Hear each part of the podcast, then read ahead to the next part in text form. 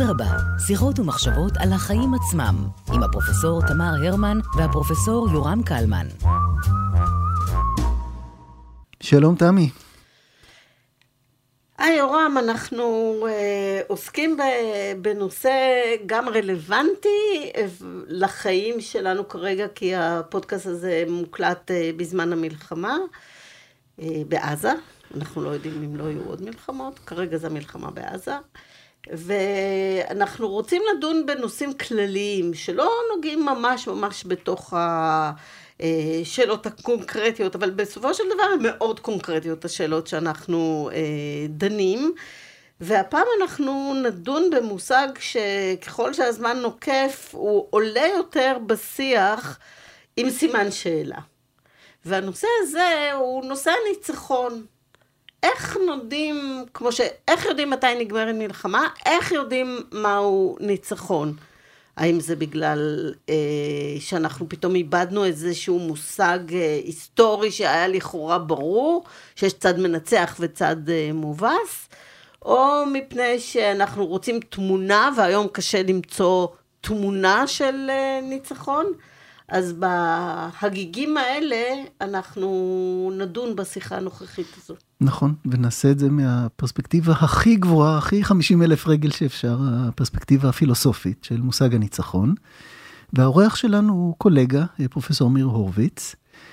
פרופסור הורוביץ חוקר בעיקר סוגיות בפילוסופיה של הנפש והפילוסופיה של השפה, ומדי פעם סוגיות בתחומים פילוסופיים אחרים, כמו אתיקה, פילוסופיה של הדת, פילוסופיה של הספורט. הספר שלו, Intentionality Deconstructed and Anti-Realist Theory, אה, יצא בקרוב באוקספורד יוניברסיטי פרס, וכאן באוניברסיטה הפתוחה הוא משמש כראש תחום פילוסופיה וראש תוכנית הפק"ם, הפילוסופיה, כלכלה ומדע המדינה, באוניברסיטה הפתוחה. שלום אמיר. שלום יורם, שלום תמי. אה, אז באמת ההסתכלות הפילוסופית על אה, מושג הניצחון זה משהו שעובר כחוט השני בשיחות שאנחנו מקיימים בסדרה הזאת על ניצחון. אה, כולנו בורחים לזה, אה, ובאמת, איך, איפה, מה, מה הקושי או מה ההסתכלות הפילוסופית על המושג הזה של אה, ניצחון? כמו הרבה מושגים בשפה המדוברת, להבדיל משפה מדעית או פילוסופית, המושג הזה יש לו שימושים רבים ובהקשרים שונים, ובמקרים כאלה אנחנו צריכים להיזהר, תמיד לוודא שאנחנו מדברים על אותו דבר. במקרה של ניצחון, אני לא יודע היסטורית איפה התחיל המושג הזה, אבל משתמשים בו במלחמות, משתמשים בו לפעמים בבתי המשפט, ומשתמשים בו אה, אולי באופן הכי מובהק בספורט או במשחקים בכלל, בתחרויות. נכון. ובאמת צריך לבדוק האם זה אותו מושג בשני המקרים האלה, כי לשימוש לא זהיר במושג מתחום אחד בתחום אחר, יכולות להיות השלכות בעייתיות גם תיאורטית, אה, שזה מעניין אנשים מוזרים כמונו באקדמיה, במיוחד אולי פילוסופים, אבל לפעמים גם השלכות מעשיות, כי אפשר לעשות מניפולציות בדברים כאלה. בהחלט. אז, אז בואו באמת נדבר על ניצחון בספורט. אני חושב שזה המקום שבו, וגם כתבת על זה, זה מקום שבו הניצחון הוא כמעט חד משמעי. כן. כן. מדוע? מדוע בעצם בספורט זה חד משמעי ובמקומות אחרים? בספורט זה חד משמעי, כי ספורט הוא דוגמה מובהקת למה שקוראים מערכות קונסטיטוטיביות. וואה, זו מילה יפה. מערכות קונסטיטוטיביות אלה הן מערכות שיש להן כללים או חוקים, והכללים או החוקים הם אלה שיוצרים את הפעילות, או מכוננים אותה בתור מה שהיא. זאת אומרת, אין כדורגל, אין משחק כדורגל בלי חוקים, אוקיי? החוקים לא חייבים להיות כתובים, אבל ברגע שאנחנו משחקים כדורגל, אז יש חוקים שקובעים מה מותר, מה אסור, ובפרט מה ייחשב ניצחון. מה ייחשב שער, הכדור יעבור את הקו הזה וזה וכן הלאה. יהיו לנו יותר שערים מאשר ליריב, ניצחנו. יש הגדרה, כלומר מערכות קונסטיטוטיביות, החוקים מגדירים את הפעילות, ובין היתר, במקרים של תחרויות, הם מגדירים גם מה זה ניצחון. אה, יש מערכות רבות בחיים שיש בהן חוקים, אבל הן לא מערכות קונסטיטוטיביות. Hmm. למשל, אה, תנועה, אוקיי? יש תנועה גם בלי חוקי תנועה, אוקיי? מכוניות יכולות לנסוע, כן? יותר טוב, פחות טוב, האם החוקים עוזרים או לא, זאת שאלה טובה. אבל הפעילות קיימת גם בלי החוקים. אה, מלחמה היא כזה דבר, אוקיי? ולכן אה, יש שאלה, אם אין חוקים שמגדירים את הפעילות, כן? יש חוקים שאולי מווסתים אותה וכן הלאה, ואין חוקים שמגדירים אותה, אז מה זה ניצחון, כן? אין הגדרה שמוכתבת לנו מלמעלה, כן? על ידי מהות המשחק, או איזו ועדה שקובעת את הכללים שלו. לכן הסיפור במלחמות ובתחומי חיים אחרים שהם לא מערכות קונסטיטוטיביות, בדרך כלל בתחומים שהם real life, סיטואציות של, של החיים האמיתיים, כן? שבהם אנחנו לא שמים את החיים בסוגריים ועכשיו משחקים ושום דבר לא משנה. בסיטואציות של חיים אמיתיים אה, עולה השאלה, מה קובע? מה זה ניצחון? כלומר, מכילים את המושג הזה ואנחנו צריכים לשאול את עצמנו, מה, מה זה אומר? מה זה אומר? אוקיי? ובפרט אנחנו צריכים לבדוק האם המושג כפי שהוא נכון בספורט ובמשחקים אחרים, האם המושג הזה חל גם פה, אוקיי? זו, זו, זו המסגרת נדע. של השאלה, אפשר לומר. אז, אה, אז האם זה חל? שאלה מצוינת. אז קודם כל, ברור שזה לא חל, שאי אפשר להכיל את זה באופן אוטומטי, וכמו שזה בספורט, ככה זה במלחמה. כלומר, יש בוודאי דברים משותפים. כלומר, ההכלה במקרה של המלחמות, או במקרים אחרים, היא לא מקרית לגמרי. יש מאפיינים משותפים בין ענפי ספורט לבין אה, מלחמות. אה, קודם כל, אחד הדברים שמהותיים לניצחון באשר הוא, ככל הנראה, הוא הישג. כן? אם אין הישג, אין ניצחון. הדברים המשותפים, שכשיש ניצחון יש הישג, ובדרך כלל, למעט שימוש מטאפורי במושג, גם יש יריב, יש מאבק מול יריב, שאותו אנחנו מנסים לנצח. לפעמים מדברים על ניצחון על מחלה ו- וכן הלאה. בדיוק חשבתי נכון, על זה. נכון. ש... גם יש מחלות ש... שמוגדרות כמאבק, למרות שאפשר למות גם ממחלות אחרות, נכון? כן. יש... בפירוש. אה, ניצח את ה... כן, כן, יש כן. סדרה שלמה על סרטן. ולא יגידו את זה על שפעת, ו... בדרך כן, בדיוק. אה, נכון. אז אלה הדברים ש, שאפשר להגיד שהם משותפים, שגם במלחמה, כשיש ניצחון, זה אמור להיות מול יריב, והשגנו הישג מול היריב, אבל אה, יש הבדלים. ההבדלים הם קודם כל מחזירים אותנו לשאלה מה קובע מהו ניצחון בפעילויות כמו אה, מלחמות, ובגדול אפשר להגיד מטרות.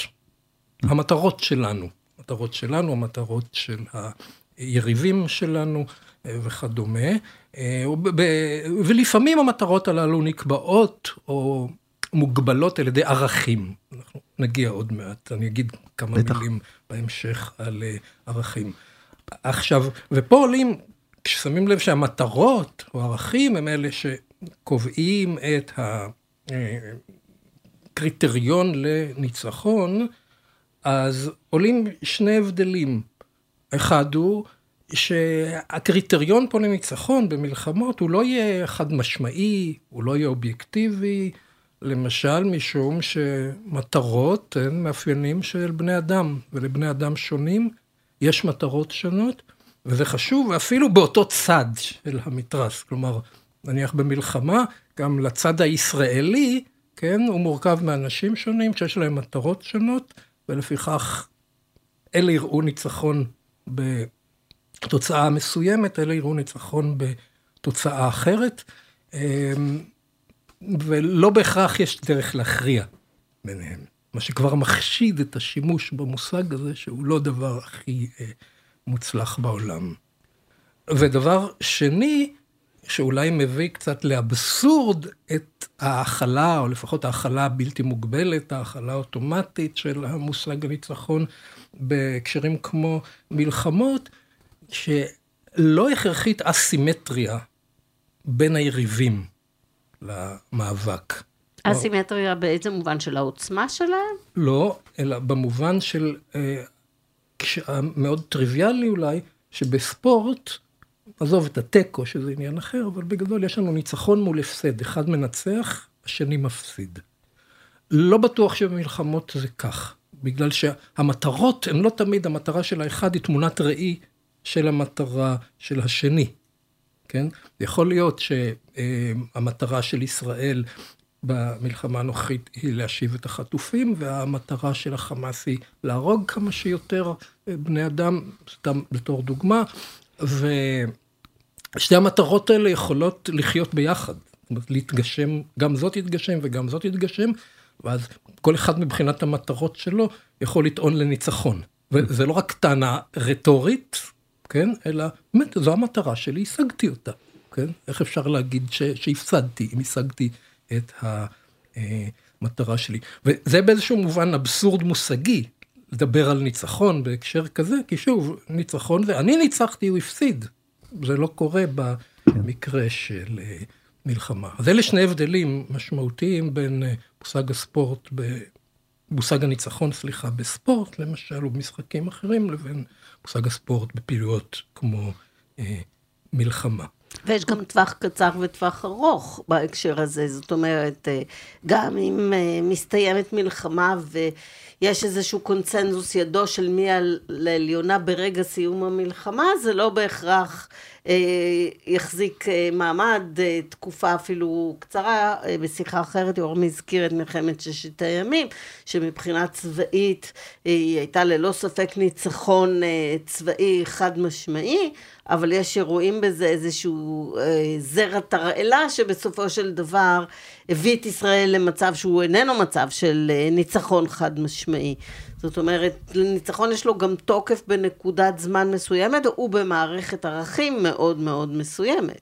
אני מסכים לחלוטין. ואגב, בדיוק בהקשר שציינת, של מלחמת ששת הימים, ישעיהו ליבוביץ' דיבר על אה, היום השביעי. כלומר, ניצחנו במלחמת ששת הימים, אבל הפסדנו ביום השביעי ואילך. אנחנו כן? עדיין בשביעי הזה, כן. כן. אז בוא, בוא נחזור באמת לנושא שהזכרת קודם, של, של אתיקה. אה, בספורט זה, גם שם יש ויכוח, אז בעברית מדברים על להפסיד בכבוד, מישהו שיודע להפסיד בכבוד, יש את המושג של being a good sport, מישהו ש... איפה, איפה סיפור האתיקה והדרך שבה אני משיג את הניצחון, או בדרך שבה אני אה, לא מנצח, איך זה משליך בתחומים ה... איך קראת להם? המערכות. המערכות הקונסטיטוטיביות? כן, נכון? כן, okay. אוקיי. לעומת הרגולטיביות. אוקיי. Okay. Okay. אז איך, איך, בואו בוא ניגע בזה.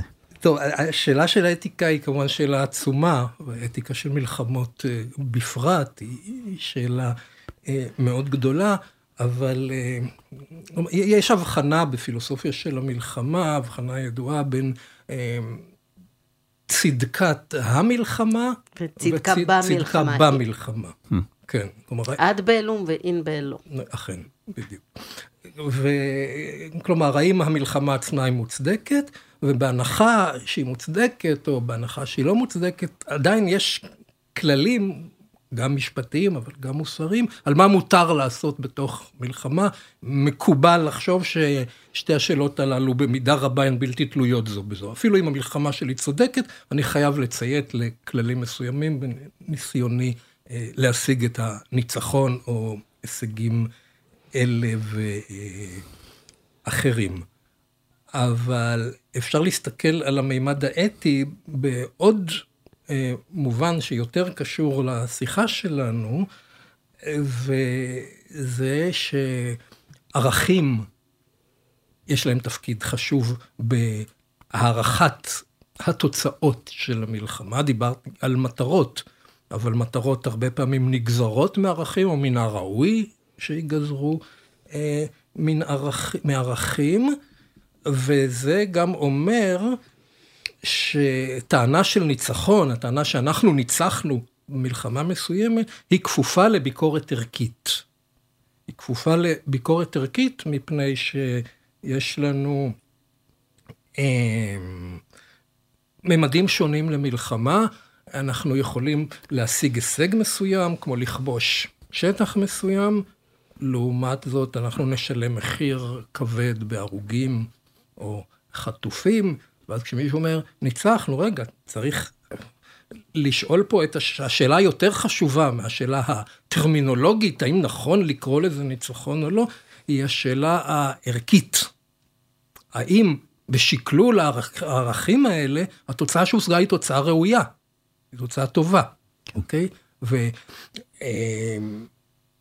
ואפשר להגיד שטענה לניצחון, אם אנחנו רוצים להשתמש במושג ניצחון באופן אה, פורה, מעניין, אה, מועיל, היא צריכה להיות כפופה לשאלות הללו. כלומר, אנחנו נגיד שזה ניצחון לא לפי איזשהו קריטריון טכני, כשהייתי ילד, מלחמת ששת הימים, עכשיו יו, הרגנו להם יותר, אז ניצחנו. כן. אה, ברור שזה לא ממצה את העניין, כי אם הרגנו להם יותר והם הרגו לנו המון, להגיד שניצחנו זה חורק, הייתי אומר. אבל אה, נחזור לנקודה הכללית, זה אומר שיכול להיות שנכון להכפיף את מושג הניצחון לשיקולים ערכיים, או בגלל הבעייתיות האבסורדים שהוא מביא לפעמים בהכרזו מלחמה, יכול להיות שנכון למעשה לוותר על המושג הזה. לדבר על הישגים, הישגים ראויים, כן? מטרות חשובות, מטרות לא חשובות, להסתכל על המכלול, לא לחפש איזה קריטריון, כמו האנלוגיה של עבר את קו השער או לא אה, עבר את קו השער. מה שאני אומר בעצם, שיכול להיות שעדיף היה להסתדר בלי מושג הניצחון במקרי אה, מלחמה. אני אתן דוגמה בהקשר הזה של אה, החלטות אנחנו הרבה פעמים מקבלים על ידי הצבעה, נכון? ובהצבעה יש צד אחד שמנצח כי הוא קיבל 60 אה, קולות, וצד אחד שהוא הפסיד כי הוא קיבל 40 קולות. ואז יש 40 שהם באותו מכלול, אבל הם הפסידו בתוך המסגרת הזאת. ולמשל, הפרקטיקה הקווייקרית אומרת שלא כך מקבלים החלטות. שמקבלים החלטות על ידי דיון אינסופי עד שמגיעים למצב שכל הצדדים יכולים לחיות עם הפתרון הקיים בכדי שלא יהיה צד אחד שהוא מובס.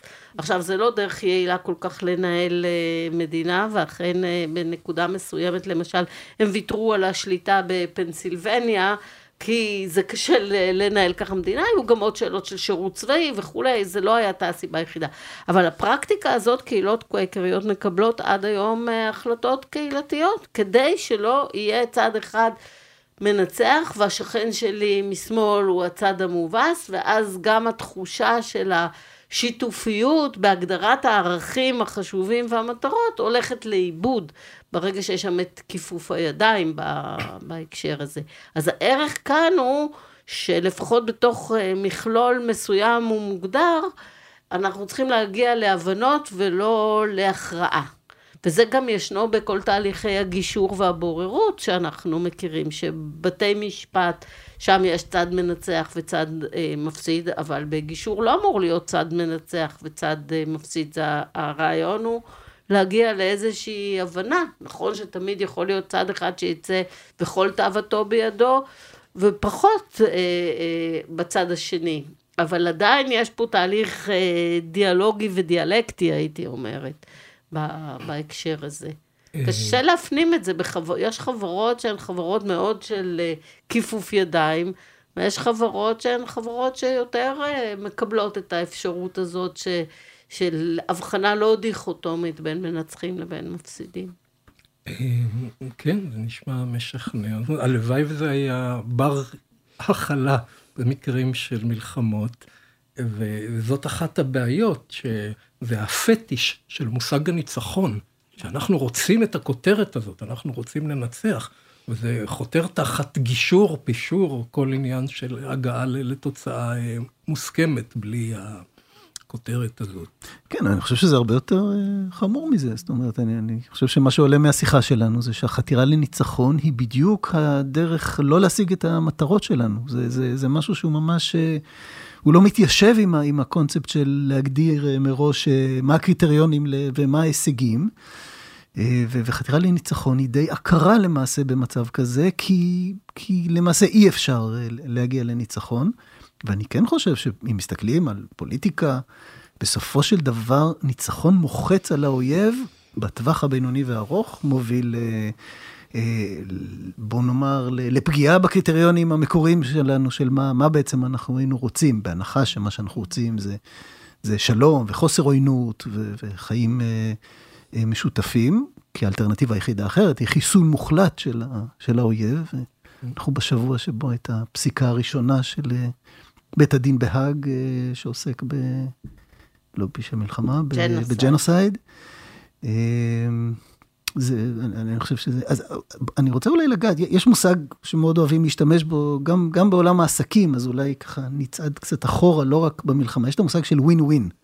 זאת אומרת, ה... כאשר יש, בהנחה, אגב, לא תמיד יש רק שני צדדים, אבל בהנחה שיש שני צדדים למחלוקת או לעימות, יש את הטענה שאפשר, יש דרך למצוא, המטרה היא למצוא את הדרך שבה שני הצדדים ינצחו.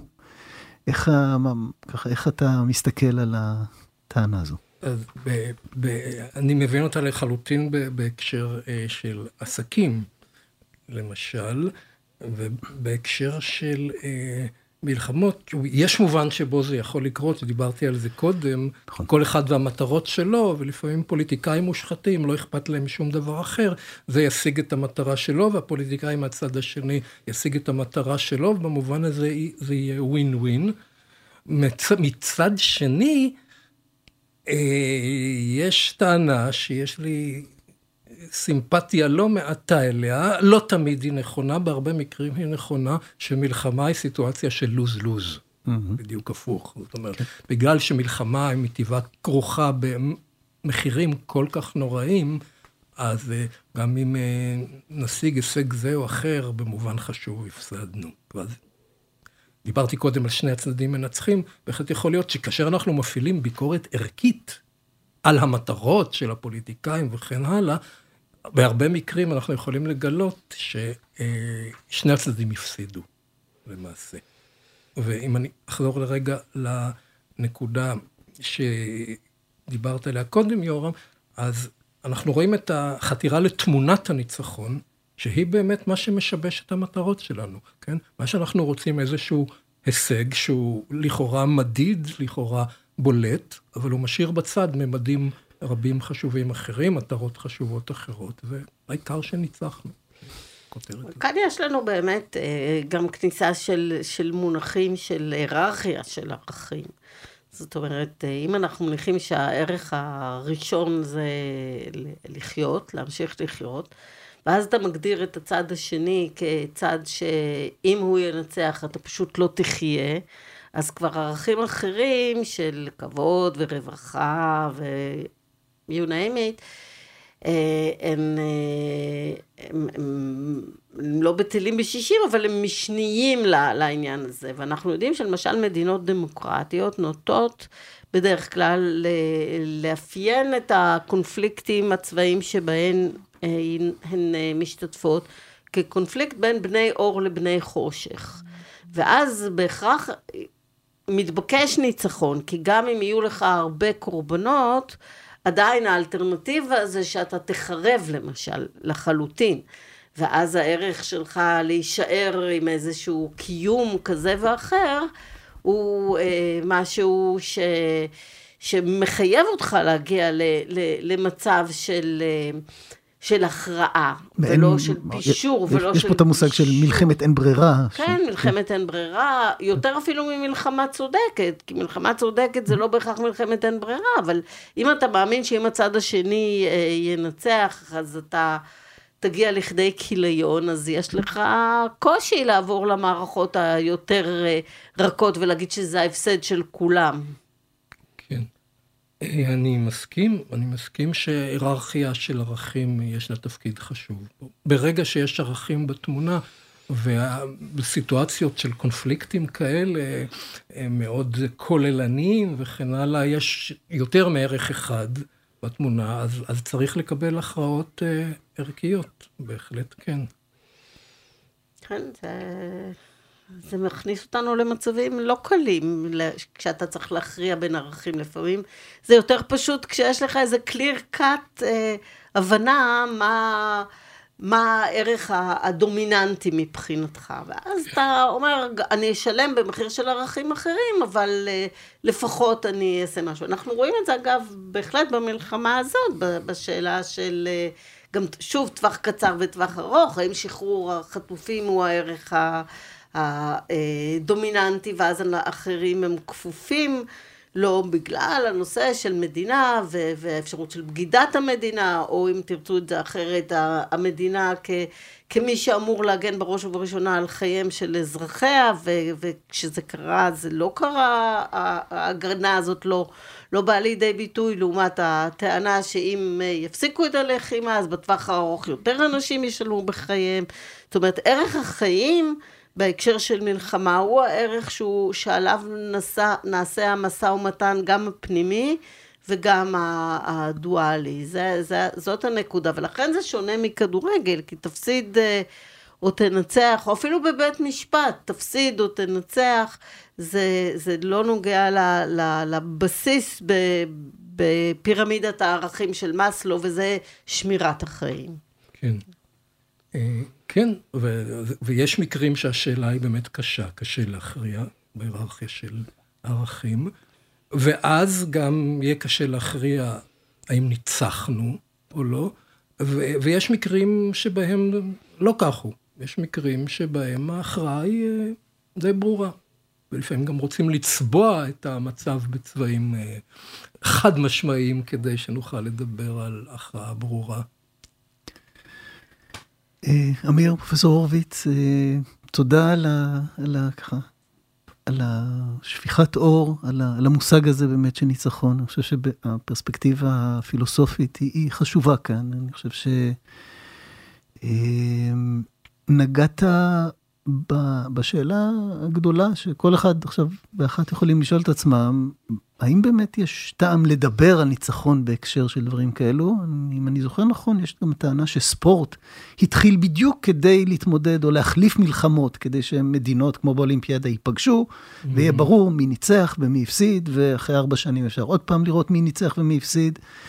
ו... וגם לתת איזשהו סיפוק לצורך בניצחון מבלי לצאת למלחמה. נכון, נכון. וזה, ואנחנו מכירים את זה במשחקים, גם משחקים בכלל שאנשים משחקים, אה, כן. אה, שלאו דווקא, לא יודע, החל ממונופול, שח זה עכשיו ספורט, אבל בקיצור, הצורך הזה לנצח, אה, אני חושב שכשמסתכלים על דברים כמו גם מלחמה, אבל גם ניהול, עסקים, ארגונים, יחסים בין אישיים, אה, המושג של ניצחון, כדאי לנסות לשים אותו בצד, ו- ו- כי, כי שם באמת תלוי מה הקריטריונים, ובכלל איך אנחנו מגדירים את היריב. אה, ו- וההסתכלות הזו, לדעתי, מאוד מאוד מועילה. תודה רבה לך. תודה לכן. תודה רבה. תמכתי.